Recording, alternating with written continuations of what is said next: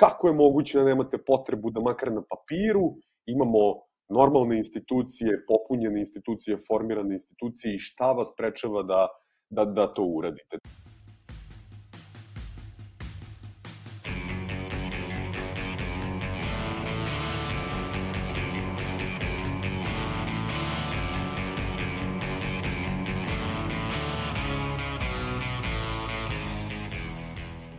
Slušate podcast Reaguj, nezavisnog društva novinara Vojvodine. Moje ime je Iva Gajić, a na podcastu rade i Aleksandra Bučko, Sanja Đorđević, Irena Čučković i Nemanja Stevanović. U ovoj 29. epizodi istraživali smo zbog čega Srbija još uvek nije dobila vladu nakon skoro tri meseca od održanih izbora. Prošlo je tri meseca od izbora. Kako smo u prethodnim epizodama govorili, situacija sa pandemijom koronavirusa omela je održavanje izbora 26. aprila, ali dva meseca kasnije ipak je došlo do organizovanja izbora na kojima je vladajuća Srpska napredna stranka odnela ubedljivu pobedu. Ipak, iako je konstitutivna sednica počela, poslanici dobili svoje mandate, Skupština još nije izabrala predsednika, podpredsednike, odbore, vlada Srbije još nije formirana, niti su obavljene konsultacije predsednika Aleksandra Vučića sa političkim liderima parlamentarnih stranaka. Vujo Ilić iz Centra za istraživanje, transparentnost i odgovornost, CRTA, navodi da iako se čini da se proces formiranja vlade Srbije dešava sporo, još uvek je to u vremenskim okvirima koje zakon o Skupštini i zakon o vladi dozvoljavaju. Da krenemo od toga da je ovo što se dešava još uvek u okvirima zakona i prva stvar koju treba da pitamo jeste da li se demokratski proces sprovodi u nekom zakonskom okviru. Za sada ispoštovani su rokovi, odnosno još uvek ima vremena za ovaj, ceo ovaj proces, on bi ukoliko se maksimalno potroši vreme mogao da traje i do novembra ako se ne varam, e, tako da ako postavljamo to pitanje da li je ovo ispravno, e, jeste, odnosno dozvoljeno je. Drugo pitanje je da li je ovo dobro, da li Srbiji u ovom trenutku treba ovoliko trajanje formiranja skupštine, formiranja vlade, jer samo da se podsjetimo, znači ne radi se samo o izboru vlade, već i skupština nije potpuno konstituisana. Jesu verifikovani mandati, ali nije izabran predsednik skupštine, nisu formirani odbori i druga tela, to sve traje predugo, jel da? I jeste politički značajno, ali kreće se još uvek u ustavnim i zakonskim okvirima.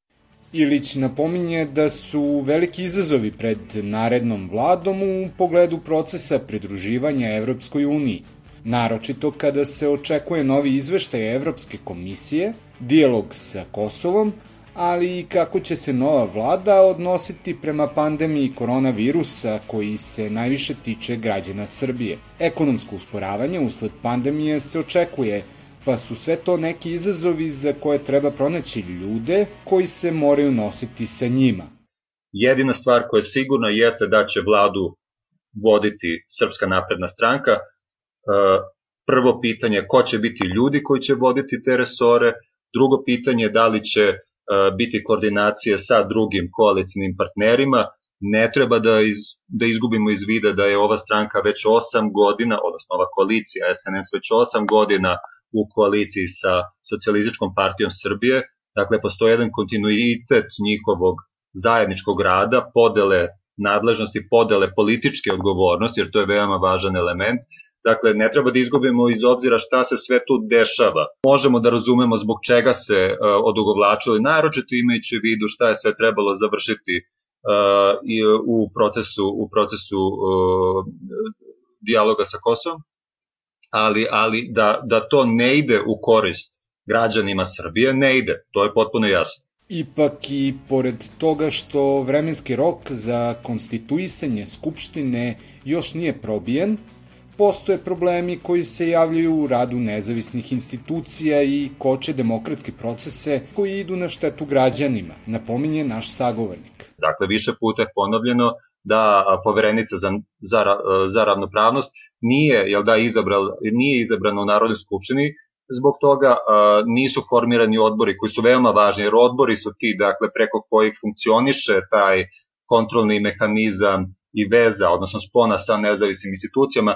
odbori su ti koji su relevantni i za, i za proces pridruživanja Evropskoj uniji, ali moramo da idemo korak nazad i dva koraka, tri koraka nazad koliko je potrebno da se podsjetimo koliko su ti svi procesi u poslednjih 5-6 godina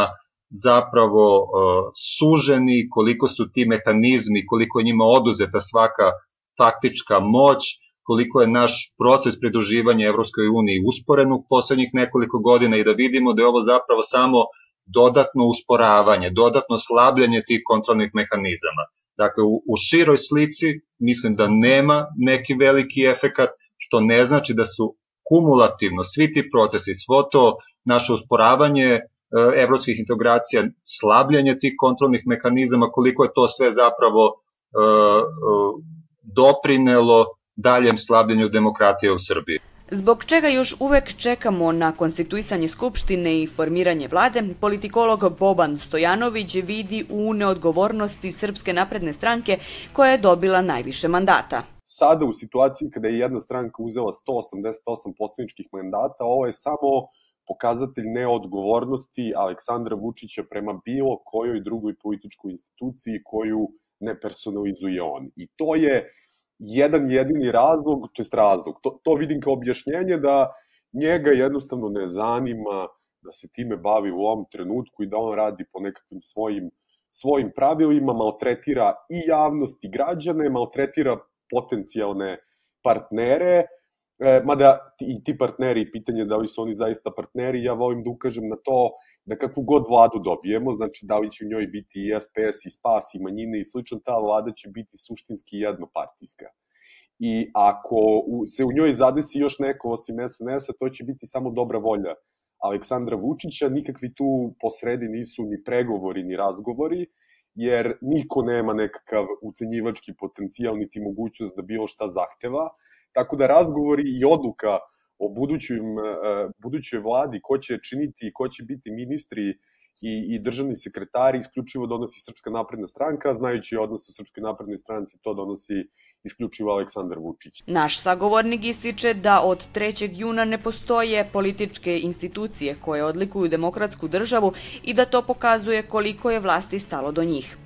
Ipak, on ističe da ako je moralo da se ide na izbore odmah posle vanrednog stanja, trebali su pobednici izbora biti odgovorni i formirati institucije koje su nam preko potrebne. Znači, imali smo situaciju u kojoj da, mora da se ide na izbore. Do duše morala je da se ide na izbore iz jednog drugog razloga što je ukinuto vanredno stanje. Međutim, moglo je nekakvim pravnim uh,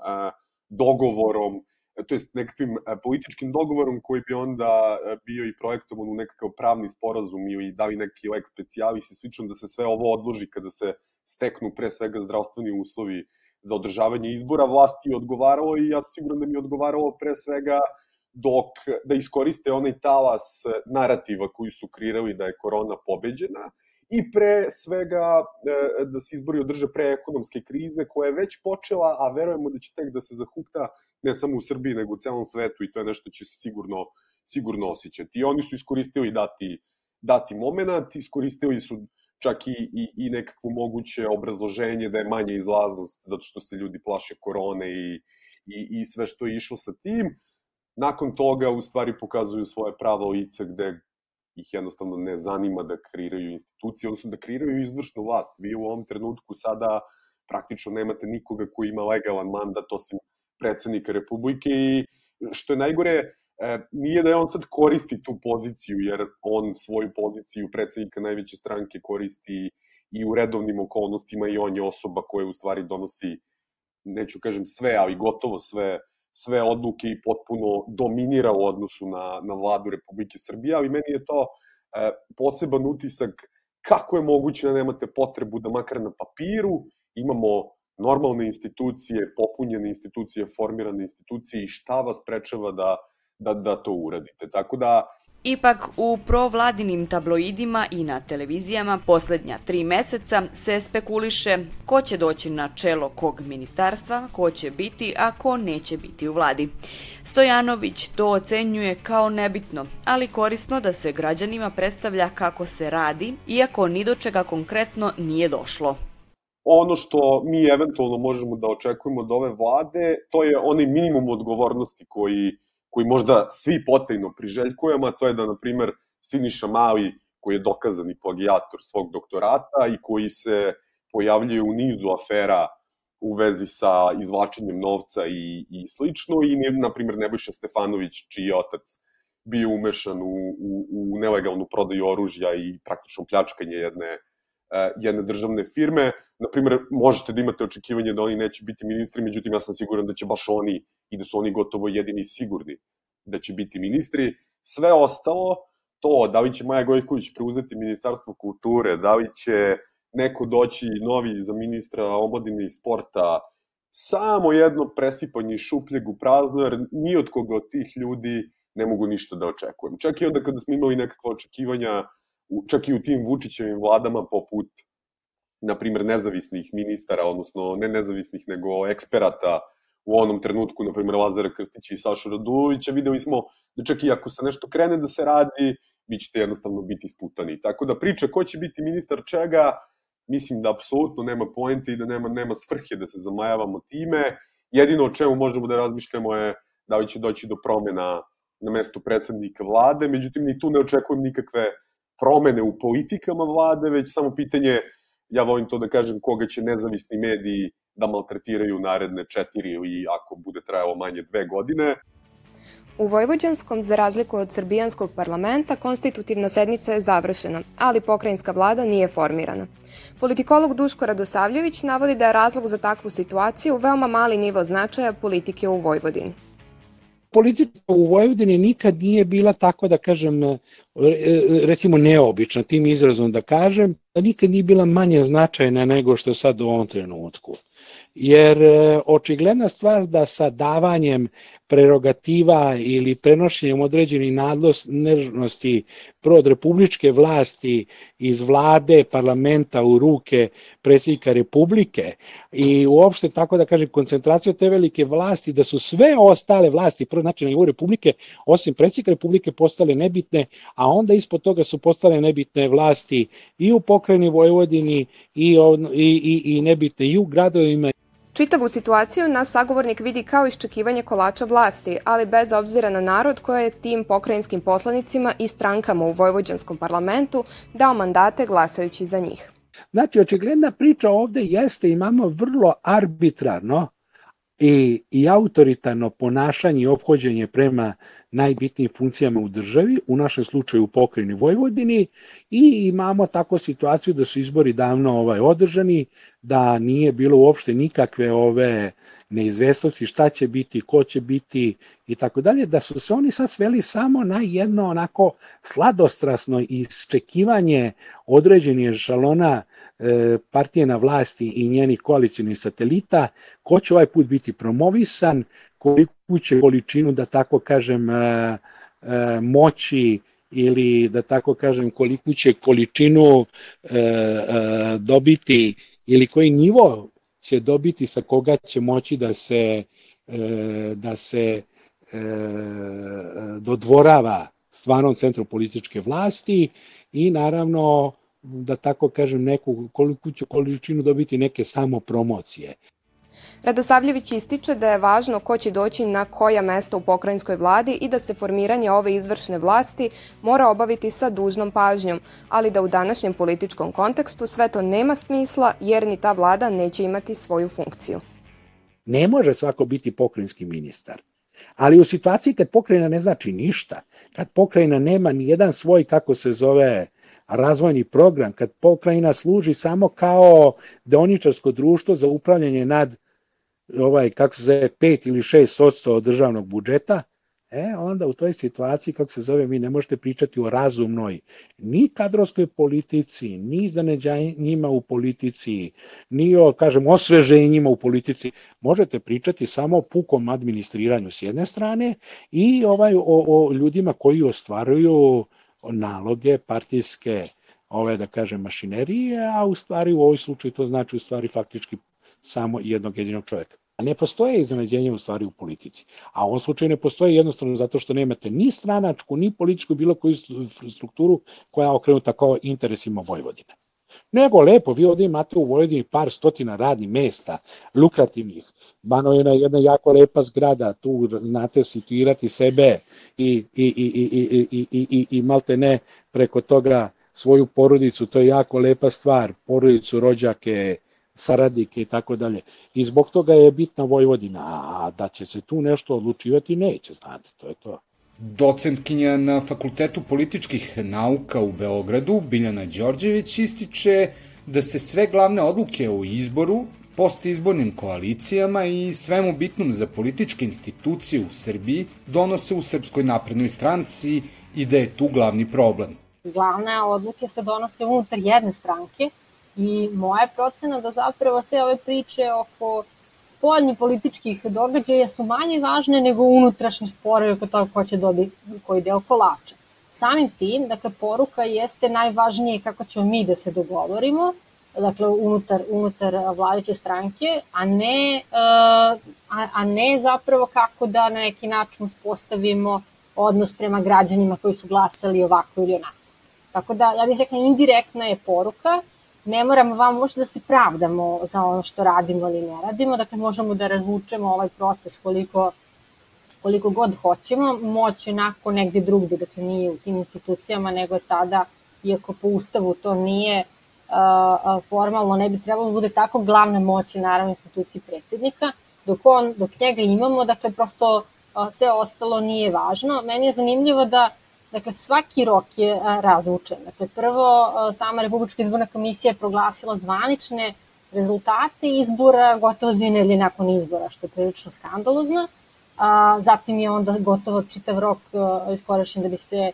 otpučalo sa konstitutivnom sednicom. Sada, dakle, možda će se iskoristiti čitav rok od 90 dana se formira vlada i apsolutno, dakle, poruka iza toga jeste da, iako nemamo nijednu logičnu, politički, dakle, opravdivu, opravdiv razlog zašto to tako, koji, koji, nam, koji nam je izrečen, dakle, da to tako može. Ipak nema reakcija građana na neformiranje vlade, odnosno oni koji su birali ovakav sastav u parlamentu. Docentkinja Đorđević pojašnjava da se i ne može očekivati reakcija. Ja bih rekla da je četvrtina Srbije zapravo glasala za Aleksandra Vučića, iako on nije bio zvanično kandidat, ali on je dakle, nosilac svih tih lista, uh, dakle i lokalnih i, i, i, i, i parlamentarne i pokrajinske, uh, tako da on postoji, dakle njegova, njegova, njegova funkcija dakle, nije nešto što uh, na, na što se čeka, tako da ja mislim da za te glasače za koje, za koje pitaš, zapravo oni, njima je bitno da samo u njega i gledaju, tako da on je tu uh, i on predstavlja tu vrstu sigurnosti za njih. Uh, a, sad, uh, verovatno ima mnogo onih koji, koji su nestrpljivi zato što treba nešto da dobiju. Dakle, to u ovom nekom vrstom klientalističkog odnosa, dakle, bilo da su Uh, dakle, treba budu nadmireni unutar stranke ili da, da se neki način učestvovali u izbornoj kampanji, dakle, očekuju nešto toga, dakle, verovatno je to sad neka situacija nervoze, ali možda i prosto takođe čutljivog iščekivanja da vide šta će se desiti sa onim što im je uh, obećano. I naravno, verovatno oni koji nisu, dakle, glasači SNS-a, nego glasači, uh, dakle, ili možda su i glasači SNS-a, svejedno, bilo koji drugi birači, dakle, možda nisu ni glasali ili su glasali, ali kojima prosto iz nekih uh, razloga potrebno da neke institucije rade efikasnije nego što, što sada mogu da rade, dakle da šta neka lica koja imaju zvanično ovlašćenja, verovatno su nervozni zbog toga. Ja sam sigurna da, iako to nije oblast koju ja pratim, da e, u mnogim oblastima, dakle možda u privredi i tako nekim drugim oblastima postoje, postoje poteškoće zbog, zbog ovoga i da to mnogima a, a, smeta. Um, ali uh, moj utisak zapravo da niko posebno nije zabrinut zbog ovoga. Kako bi se u budućnosti sprečila ovakva nepotrebna razločenja formiranja vlasti i nezavisnih institucija koje zavise od izbora u Skupštini, Biljana Đorđević ističe da je potrebna promena na nekoliko nivoa unutar političkih institucija u našoj zemlji. Dakle, prosto to zahteva da se promeni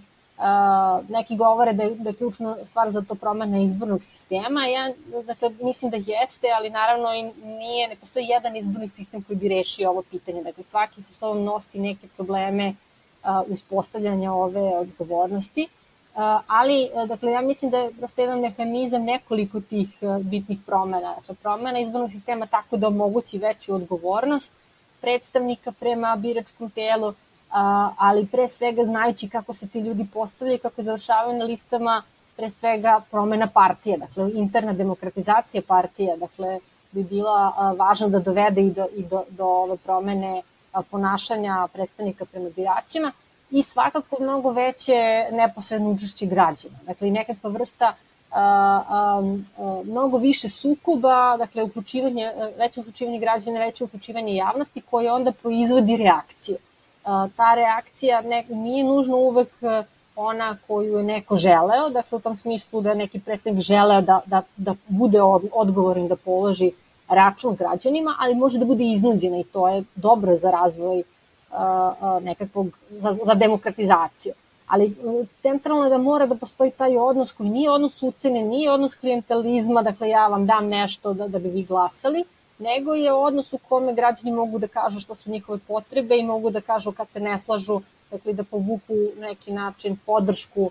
predstavniku, a da predstavnik opet takođe mora da osluškuje šta kažu birači i da pokuša da, da, da, da ih zastupa na najbolji mogući način, umesto da isključivo zastupa interes stranke i interes lidera. Upoređujući situaciju sa neformiranjem vlade u Srbiji i u Evropskoj uniji, izvršni direktor Instituta za evropske poslove Naim Leo Biširi navodi da kao država moramo mnogo da radimo na jačanju demokratskih institucija i sprečavanju vakuma u izvršnoj vlasti u periodu oko izbora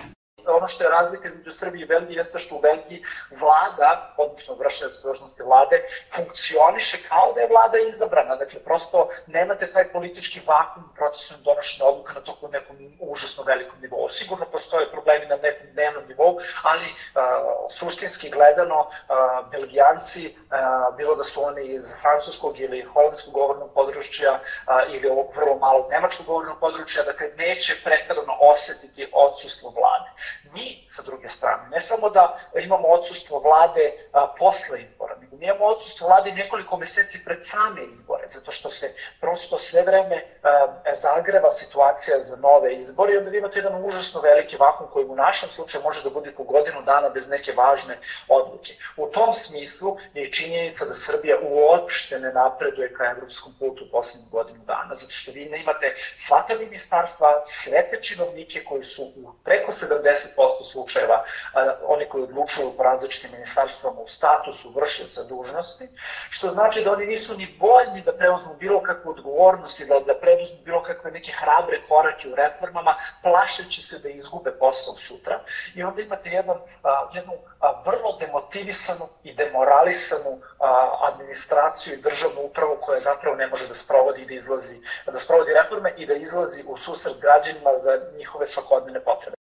Beširi smatra da još uvek nemamo dovoljno jake institucije kako bismo uporedili neku zemlju Europske unije i Srbiju, ali da ipak možemo da uporedimo naše stanje sa stanjem u zemljama u regionu koje su ili formirale ubrzo vlade ili su na tom putu, iako situacija na izborima nije bila jasna kao u našem slučaju. Imate i ekstremne pozitivne slučajeve da danska vlada može istog dana da se formira a, kada su i završeni, odnosno proglašeni rezultati izbora. Ili premijer, pa, prethodna premijerka Danske je a, ono što se kod nas mesecima i godinama razloči kada treba se do, dođe do rekonstrukcije vlade. Na primer, samo je jednog jutra izašla i medijima obavestila da je došlo do promenu vladi, da su jedni ministri zamenjeni, da su novi ministri došli i popodne svi nastavili da rade. Dakle, to su razvijene demokratije. Sa time se mi, nažalost, još uvek ne možemo porediti. S kim mi možemo da se poredimo? Sa zemljama u regionu. Pa onda vi imate hrvatsku vladu, koja su takođe izbori bile ove godine. Znači, i to posle nas. Dakle, 7. jula, ako se ne varam, su bili e, izbori u Hrvatskoj odnosno početkom jula, dakle vlada je formirana u roku od neke dve nedelje. A, imate izbore u Makedoniji, a, gde je premijer Zajev formirao vladu u samo nekoliko dana, se znalo ko će biti i onda se ispoštovala procedura i to je trajalo manje od nekih desetak dana. Imate vladu u Crnoj Gori, izbori koji su bili pre nekih desetak dana, dvadesetak dana, da su već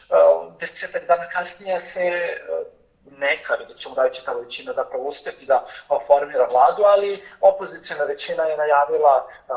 principe formiranja nove vlade i sa svojih vrlo klimavih 41 mandat, odnosno 80 mandata u Nacionalnom parlamentu, postoji mogućnost da će formirati prvi put vladu bez stranke Mila Đukanovića. Drugim rečima, jasno je i ne postoji nikakav a, ni jedan racionalan i zdravorazumski razlog zašto SNS i predsednik Vučić do sada nisu formirali vladu. Neformiranje vlade, kako su to i naši prethodni stagovanici napomenuli, utiče na evropski put Srbije. Ova situacija samo pogoršava loše stanje koje Evropa primećuje u našoj zemlji, zaključuje Beširi. Pa posledice zbog čekanja mi to već odmah vidimo. Dakle, činjenica da Srbija ove godine nije otvorila ni jedno poglavlje, a, zapravo ozbiljno zabrinjava. To nije samo poruka iz Brisela, ne radite dobro svoj posao. To znači da nema više ni poverenja u obećanja koje dolaze iz Beograda. I to je loše na toliko nivoa da ćemo se sigurno suočiti sa neotvaranjem poglavlja već u decembru ove godine. A činjenica da Srbija, iako zemlja članica, odnosno zemlja kandidat za članstvo u Europskoj uniji, formalni kandidat, nije na beloj listi, iako se nalazi na beloj Schengen listi, nije na beloj listi zemalja koji mogu putovati za vreme korona, korona Europske unije, takođe poruka Srbije da niste dobar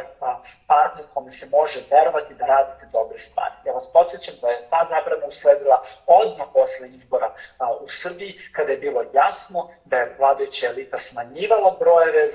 zaraženih da bi pozvala ljude da izađu na izbore, Sve ovo, napominje Beširi, udaljava Srbiju od konačnog ulaska u Uniju i produžava još više 20-godišnje čekanje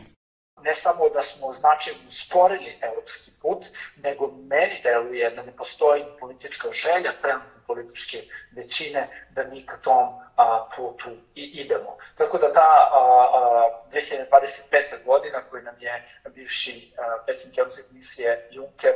najavio kao potencijalnu godinu kada bi Srbija i Crna Gora eventualno mogli da postanu članica, mislim da u ovom trenutku da smo se značajno udaljili, a da bismo se vratili blizu tog puta potrebno je ekstreman napor i politička volja da se naši zakoni koji smo mi doneli ispoštuju i sprovedu. To je sve što ljudi van Srbije vide i onda oni kažu sledeće. Ako vi niste u stanju da sprovedete vaše zakone koje ste sami doneli